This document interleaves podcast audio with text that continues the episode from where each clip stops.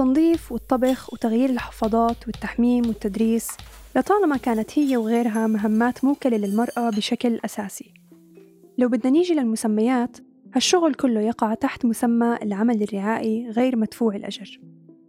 ونظرياً العمل الرعائي هو أي عمل بيقوم فيه إنسان لخدمة إنسان آخر أو مجموعة أخرى أو المجتمع. هاي الأعمال الرعائية غير مدفوعة الأجر بيقوم فيها أحد أفراد العائلة وفي معظم الحالات النساء. لأنه بحسب نموذج الأسرة النمطي الرجل هو المعيل الأساسي من الناحية الاقتصادية والمرأة هي المسؤولة عن الأعباء الرعائية. بالمقابل الرجل كمان عنده مسؤوليات صعبة ومعقدة بس معظم هالمسؤوليات بتكون مدفوعة الأجر ومقدرة. من بعيد ومن غير ما ندقق بالتفاصيل ممكن تفكروا إنه طيب وين الغلط؟ هيك هيك لازم حدا يقوم بالتنظيف ورعاية الأطفال إشي أساسي. بس جوهر الموضوع بالتفاصيل. وبهالحلقة بدنا نفكك هالتفاصيل ونشوفها عن قرب. وبحب أوضح من البداية إنه المشكلة الأساسية اللي رح نطرحها اليوم مش متعلقة بجوهر التنظيف والطبخ. لا المشكلة في توزيع الأدوار وفرضها على جنس معين مقابل آخر بغض النظر عن التفضيل الشخصي وخصوصية الحالة.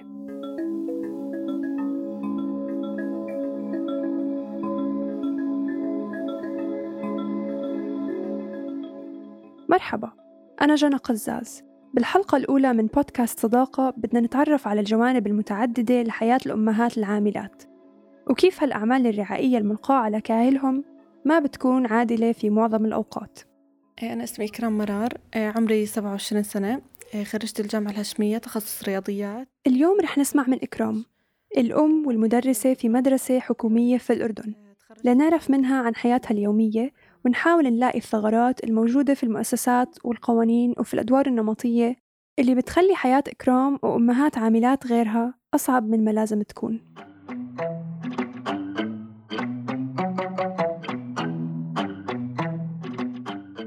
عندي بنت وولد وأنا وزوجي أربعة يعني إحنا بالبيت.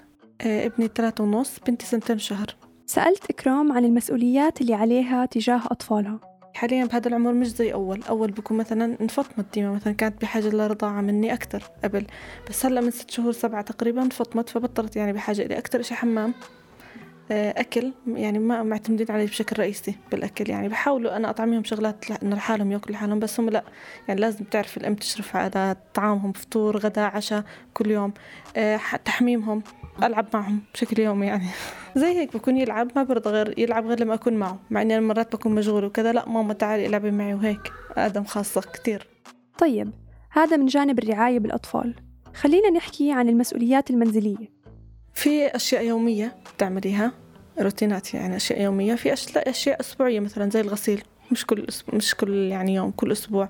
أشياء اليومية أكيد بدك تضبطي بالمطبخ وتحضري لهم أكل وغدا وفطور وزي هيك وترتبي. إكرام ممكن تكون نموذج للأم العاملة. وأكيد في حالات أخرى بتكون المسؤوليات فيها أقل وفي حالات أخرى بتكون أكتر.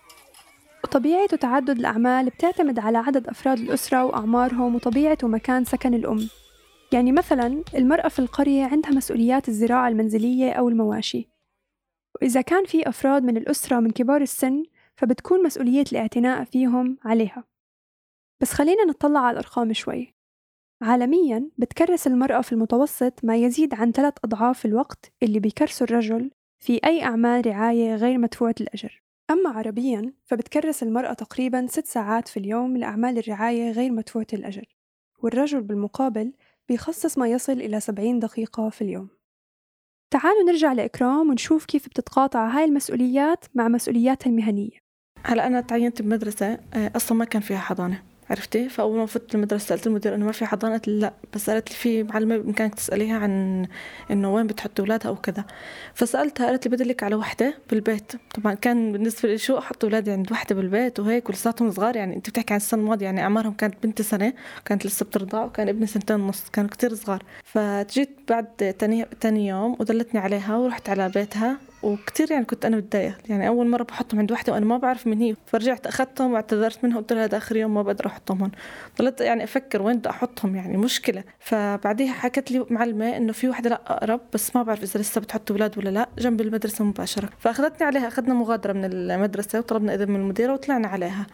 فقالت لي إنه أنا والله فعلا من بعد تل من ثلاث سنين بنتها آخر شيء كنت أحطهم وهي ست كبيرة بالعمر. عرفت يعني بالخمسينات فأنا يعني بس إن شاء الله يعني خليهم عندك. الضغوطات والتوقعات الاجتماعية اللي بيحطها المجتمع على النساء بتعززها القوانين والسياسات في بعض الأحيان. رح أعطيكم مثال. المادة 72 من قانون العمل الأردني كانت قبل ما يتم تعديلها تنص على أنه صاحب العمل اللي بيستخدم ما لا يقل عن 20 عاملة متزوجة عليه تهيئة مكان مناسب يكون في عهدة مربية لرعاية أطفال العاملات اللي بتقل أعمارهم عن أربع سنوات. لكن النص تم تعديله مرتين بعد ضغوطات كبيرة والتعديل الأهم صار عام 2019 فتغير النص بأنه ما عاد مرتبط بجنس العاملة أو العامل ووضعهم الاجتماعي واللي نظريا هو خطوة جيدة باتجاه المساواة بين الجنسين وصار النص مرتبط بعدد الأطفال في الشركة مش في عدد العمال أو العاملات. فصارت المادة ألف من هذا القانون تنص أنه صاحب العمل اللي بيستخدم عدد من العمال في مكان واحد وعندهم من الأطفال ما لا يقل عن 15 طفل ما بتزيد أعمارهم عن خمس سنوات عليه الالتزام بتهيئة مكان مناسب ويكون في عهدة مربية مؤهلة أو أكثر لرعايتهم.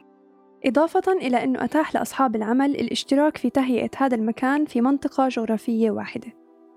أما المادة با من نفس القانون فبتنص على أنه الوزير ممكن يقترح البدائل المناسبة إذا تبين عدم إمكانية صاحب العمل على تهيئة المكان المناسب في المنشأة أو محيطها وفي عدة خيارات.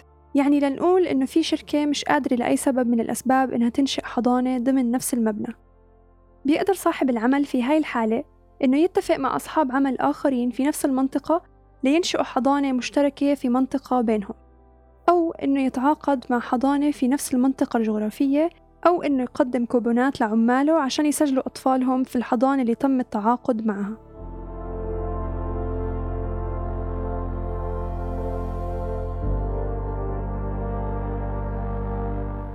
نظرياً النص هاد بيحل عدة مشاكل. فمثلاً بيتيح لأصحاب العمل خيارات غير إنهم ينشئوا حضانة على حسابهم الخاص إضافة إلى إنه خلق استدامة للحضانات. وكمان ممكن يكون حافز لإنشاء حضانات في المناطق اللي مش متوفرة فيها حضانات ليستفيدوا منها أهل المنطقة كمان. وهالقانون يعتبر من الأفضل من هاي الناحية عربيا وأحيانا عالميا كمان. بس ليش مش عم نشوف النتائج على الأرض؟ في عدة أسباب. يمكن أهمها هي أن الدولة واجبها ما بينتهي عند التشريع فقط. فصحيح أن القانون بعد التعديل صار عادل وجيد نظريا لكن ما انوضعت آليات تطبيق واضحة حتى يتم تطبيقه. هاد غير أنه الدولة من واجبها كمان أنها توفر الدعم للقطاعات ولأصحاب العمل عشان يكونوا قادرين على تطبيق قوانين مثل هاي. وممكن البعض يلوم عدم توفر الحضانات ضمن منشآت العمل على أصحاب العمل حصرا. بس لو بدنا نيجي لأرض الواقع إنشاء حضانة في الشركة هو أمر مكلف بالنسبة لأصحاب العمل وهي مسؤولية كبيرة. إضافة لصعوبة الحصول على تراخيص للحضانات وتعقيد وطول الإجراءات خاصة أنه بعض أصحاب العمل بيشتكوا من شروط ومواصفات المكان المناسب لتوفير حضانة في مكان العمل واللي أحيانا مكان العمل صعب يوفره. قبل ما تشتغل في المدرسة اللي حاليا بتدرس فيها كانت إكرام تشتغل في مدرسة فيها دوام صباحي ومسائي. إيجاد حل لتواجد الأطفال خلال أوقات الدوام يمكن أول تحدي بتواجهه الأم العاملة. بس التحديات ما بتخلص هون لأنه ما تنسوا إنه في شغل تاني بيستنى إكرام وأمثالها بعد ما يرجعوا من الشغل الأول. بالصباحي كان من الساعة سبعة لل 11 أو 12 حسب سابعة أو سادسة. بالمسائي كان من ال 12 لا أو من ال 11 للأربعة. لسه عندي طبيخ بدي أغديهم بدي أرتب البيت غير شغل المدرسة أروح هيك أشياء بدها تصليح تحضير شغلات زي هيك. من خلال الحديث مع إكرام والبحث كان عم يتوضح لي أكتر وأكتر قد إيه المشكلة مركبة. سهل نلقي اللوم على طرف واحد ونحكي إنه هو المذنب بس لما ندرس الموضوع بصورة شاملة منشوف إنه الثغرات متنوعة المصادر. فمثلا لو بدنا نطلع على البنية التحتية في الأردن منلاقي إنه 47% من النساء الأردنيات بيعزفوا عن الالتحاق بسوق العمل بسبب غياب منظومة المواصلات. لما كنا توقيت شتوي وأنا كان جوزي ياخذ سياره كان يوصلنا ماشي بالراحة بس بالترويحه ونكون مسائي يكون هو بالدوام ونروح أنا وياهم تاكسي. فهذه تلاقي تاكسي وحامله ولد والتاني ونروح ودوام تاني. مهم نشير إلى أنه موضوع النقل مكلف في ظل أجور متدنية ومصروف وتكاليف معيشية مرتفعة. ومهم نعرف كمان إنه في المتوسط التنقل ما بين العمل والمنزل بيستغرق بكل رحلة تقريبا ساعتين. معظم النساء بيتأخروا على عملهم صباحا ولما يرجعوا من الشغل بعد مشوار شاق ويوم طويل إكرام وغيرها من الأمهات العاملات بيكون عليهم مسؤوليات رعائية بتستناهم. للأسف التحديات اللي ذكرناها مثل غياب الحضانات وتراكم المسؤوليات الرعائية وصعوبة المواصلات كلها بكفة وأزمة كورونا بكفة لحالها. إكرام اليوم في بيت أهلها عم تستغل يوم عطلتها قبل الحظر لتزورهم. طلبت منها تحكي لي عن حياتها اليومية مع عملها الحالي كمدرسة في ظل جائحة كورونا وخصوصا في الفترة اللي أغلقت فيها الحضانات في الأردن. بصحى الصبح لحالي ما باخدهم طبعا معي بايام الدوام بداوم عادي للساعة 12 بس أروح زي ما حكيت لك لسه أحيانا مفطرين أحيانا مش مفطرين اقعد غيري وغسلي وضبطي بالبيت وهيك بنغديهم بعديها بعديها لازم ألعب معهم لازم نحضر تلفزيون مع بعض يعني في لنا جدول معهم. تقعد هون تحضر معك لا لا. زحلها خليها تقعد جنبك تحضر معك لا. حبيبتك ديما طيب. شو بتحضر؟ والله ضغط كتير صراحة. يعني هلأ ما أنا ما باخذهم على الحضانة لأنه أصلا سكروا الحضانات. فصارت تقول لي حضنة بدك تداومي بدك تحكي لي قبل بليلة إنك أنت مداومة عشان أنا أجي بس عشانهم عرفتي؟ فبحكي لي زوجي مش مستاهل خلص خليهم مع إنه هو عنده شغل بيشتغل يعني اونلاين بيشتغل هلأ. فبعد حكيت إنه غلبوا كل يوم كتير وكذا و عرفتي انه بصحوا بدي حمام بدي مي بدي حليب. فهو مش مش زينا بضل الرجال مش زينا وألف تليفون بيجيني على الشغل إنه يلا متى بدك تروحي؟ ماما جيبي لي إبصر إيش؟ ماما كذا وهيك ولسه بدك تروحي؟ البيت قايم قاعد والألعاب والدنيا وال... عرفتي تقعدي غيرك. يعني ببلش نهار تاني. العبء المعنوي أو المسؤولية المعنوية اللي بتحس فيها المرأة تجاه رعاية أطفالها أو تجاه الأعمال المنزلية ممكن البعض يجادل إنه نتيجة لما يسمى بطبيعتها الأنثوية. وهاي الفرضية هي نتيجة توقعات متراكمة تم إقناعنا إنها جزء من تكويننا وجزء من كوننا أمهات. عشان أفهم كيف مسؤوليات إكرام بتتقاطع طلبت منها تحكي لي كيف بتنظم وقتها بالأيام اللي بتكون مداومة فيها من البيت. ببلش معهم بأنشطة زي هيك. بأمن عليهم إنه أكيد هم قاعدين بأمان ويعني بيلعبوا مع بعض أو بيعملوا النشاط لحالهم. وخلص عارفة إنه يعني فاهمين علي شو شو بدهم يعملوا. بفوت أنا مثلا على المطبخ بعمل شغلي. برجع بطلع بشوفهم تمام أمورهم. مع إنه بيقولوا تعي ماما كملي معانا وكذا خاصة آدم. تعي كملي معجون ألوان كذا. بقول له طيب ماما بس أنا بشتغل بس أخلص باجي. فعلا باجي يعني ما بطول عليه. ممكن البعض يفكر إنه العمل من البيت بيصب في صالح الأمهات. لأنه على الأقل بيرتاحوا من هم الحضانات والمواصلات. بس بالواقع تداخل العمل الرعائي غير مدفوع الأجر مع العمل مدفوع الأجر والعمل من المنزل في ظل الجائحة سبب ضغط مضاعف على إكرام. زاد شغل البيت وفوقها صار مطلوب منها أنها تكون جاهزة لأي طلبات من مديرتها في أي وقت. يعني أنا هذيك المرة كانوا بيبعتوا على الواتساب على الواتساب بتعرف أنا مسكر النت وكان عندي كتير شغل بالبيت يوميتها تعزيل وتنظيف وحمام ومطبخ وهيك. فلا بس بس فتحت الواتساب كلهم بيبعتوا على group البلاغات الرسمية وين Miss إكرام وين Miss إكرام وين Miss إكرام. آه، أتريته في شغل لازم تسلمي. فأنا قلت لهم إنه اليوم الجمعة off يعني بكفي. لا بتحكي ما في جمعة المديرة إنه هذا يعني بما إنه التعليم عن بعد أي وقت نطلبك لازم تبعت الشغل. أكيد مرت عليكم عبارة أنه المرأة شاطرة بأداء مهمات متعددة أو بال multitasking أكثر من الرجل. استنادا لحجة غير علمية بسبب تكوينها البيولوجي. وممكن بعضنا يحس إنه هالحكي فيه احتفال بقدرات المرأة وبكونها بطلة خارقة. بس الحقيقة إنه المرأة بتتحمل أعباء كتير أكتر من الرجل ببساطة لأنه متوقع منها مجتمعيا إنها تقوم بهذا الدور لكونها امرأة أو أم.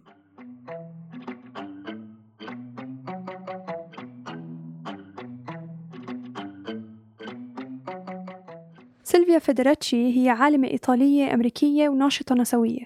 بتقول في كتابها أجور مقابل الأعمال المنزلية. علينا الاعتراف بأن رأس المال قد حقق نجاحا باهرا في تغييب حقيقة عملنا المنزلي. فقد أنكر حق المرأة بأجر مقابل الأعمال المنزلية عبر تحويله إلى عمل نابع عن الحب.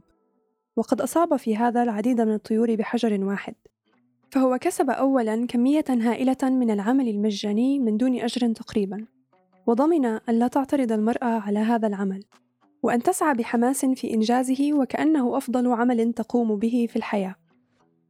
سواء اتفقنا مع حكي سيلفيا أو لا ما بنقدر ننكر أن العمل المنزلي والرعائي اللي بتقوم فيه المرأة هو عمل غير مدفوع وغير مرئي. ونسويات كتار مثل سيلفيا فيدريتشي وألكسندرا كولونتاي وغيرهم بيجادلوا إنه هالنشاطات غير المرئية اللي بتقوم فيها المرأة هي قاعدة الرأسمالية الأساسية لكونها تولد أو تعيد إنتاج العمال بدون أي تكلفة للنظام الرأسمالي. وبتقوم فيها النساء والرجال بحسب نظرية تعرف بإعادة الإنتاج الاجتماعي. وإنه مفتاح النظام الرأسمالي واللي هو قوة العمل بيتم إنتاجه وإعادة إنتاجه خارج عملية الإنتاج الرأسمالية في الأسرة. كيف يعني؟ يعني إنه المستفيد الأول من هاي العملية رأس المال وأصحاب العمل اللي بيستفيدوا من دعم المرأة المجاني عبر تحمل الأعمال الرعائية غير مدفوعة الأجر اللي بترعى الأيدي العاملة وبتضمن استمرارها في سوق العمل. تخيلوا مثلا لو تم الاعتراف بقيمة الأعمال الرعائية غير مدفوعة الأجر اللي بتقوم فيها النساء واللي قدرتها مؤسسة أوكسفام بقيمة 10.8 تريليون دولار سنويا. هاي المفاهيم هي في لب معاناة المرأة في كافة مناحي حياتها. يعني مثلا لو إكرام ما طبخت لزوجها وكوت له أواعيه وحرصت على إنه البيت نظيف ما رح يكون زوجها مرتاح لما يروح على الشغل وبالتالي ما رح يكون مفيد لصاحب العمل وبالتالي ما رح يكون مفيد لرأس المال. وهاي الجهود كلها اللي بتقوم فيها إكرام هي جهود ما بيعترف بقيمتها رأس المال ولا بيقدرها. مع إنه لولا إكرام ونساء أخريات مثلها كان هذا النظام ما ضل قائم. الأعمال المنزلية والرعائية غير مدفوعة الأجر اللي بتقوم فيها النساء. في كتير من الأحيان بتعوض عن النقص في الإنفاق العام على الخدمات الاجتماعية والبنى التحتية.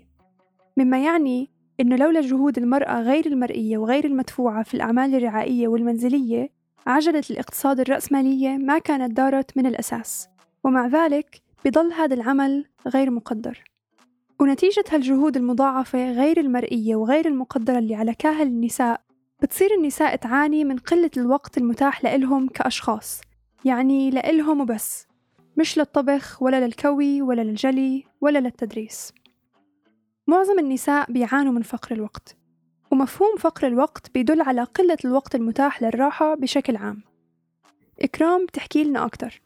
آه بس يا ريت لو في حد بحكي يساعدني فيهم. أحيانا لو ساعة بالنهار الواحد بده يروق هيك يعني راسه طول النهار بالشغل بعدين بروح مع الأولاد يعني بتعب كتير منهم وبصير بضغط نفسي. فلو في حدا بس ياخذهم عن جد ساعة يريحك منهم شوي. آه وقت إلي يعني أنا برضه من حقي يكون في إشي إلي يعني أمارس هواياتي أعمل إشي أنا بحبه. طيب شو الحلول المتاحة أمامنا لتحقيق ظروف أكثر عدالة؟ لكل الأسباب اللي استعرضناها في الحلقة من غير العادل وغير المجدي. إنه تقتصر مسؤولية الأعمال الرعائية على النساء فقط بل لازم تكون على عاتق المجتمع ككل. واللي بيعني إنه الدولة والشركات والرجال بحاجة لتحمل نصيبهم العادل من هذا العمل.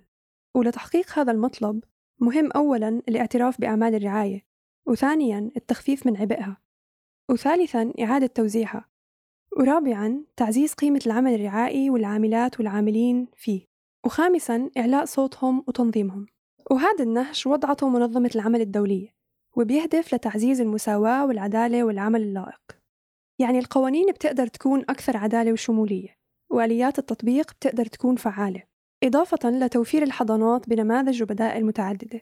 بتناسب ظروف المرأة العاملة ودعمها من قبل الجهات المعنية. من خلال توفير صناديق دعم للأسر العاملة تدعم بأقساط الحضانات وتوفير حوافز ضريبية وتوسيع مظلة الحماية الاجتماعية. مسؤولية الدولة أيضاً إنها توفر نظام نقل عام جيد وفعال واللي ممكن بدوره يدفع باتجاه العمل على القضاء على فقر الوقت عند النساء والتخفيف من الأعباء.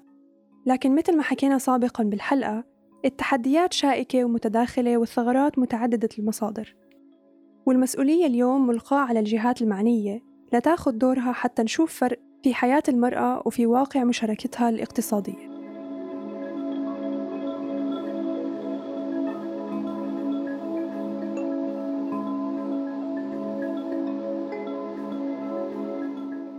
كنا معكم من البحث والإعداد روان نخلة من الكتابة والتقديم جنى قزاز من التحرير تالا العيسى ومن الهندسة الصوتية حسان مهرة. النشر والتواصل تولته مرام النبالي.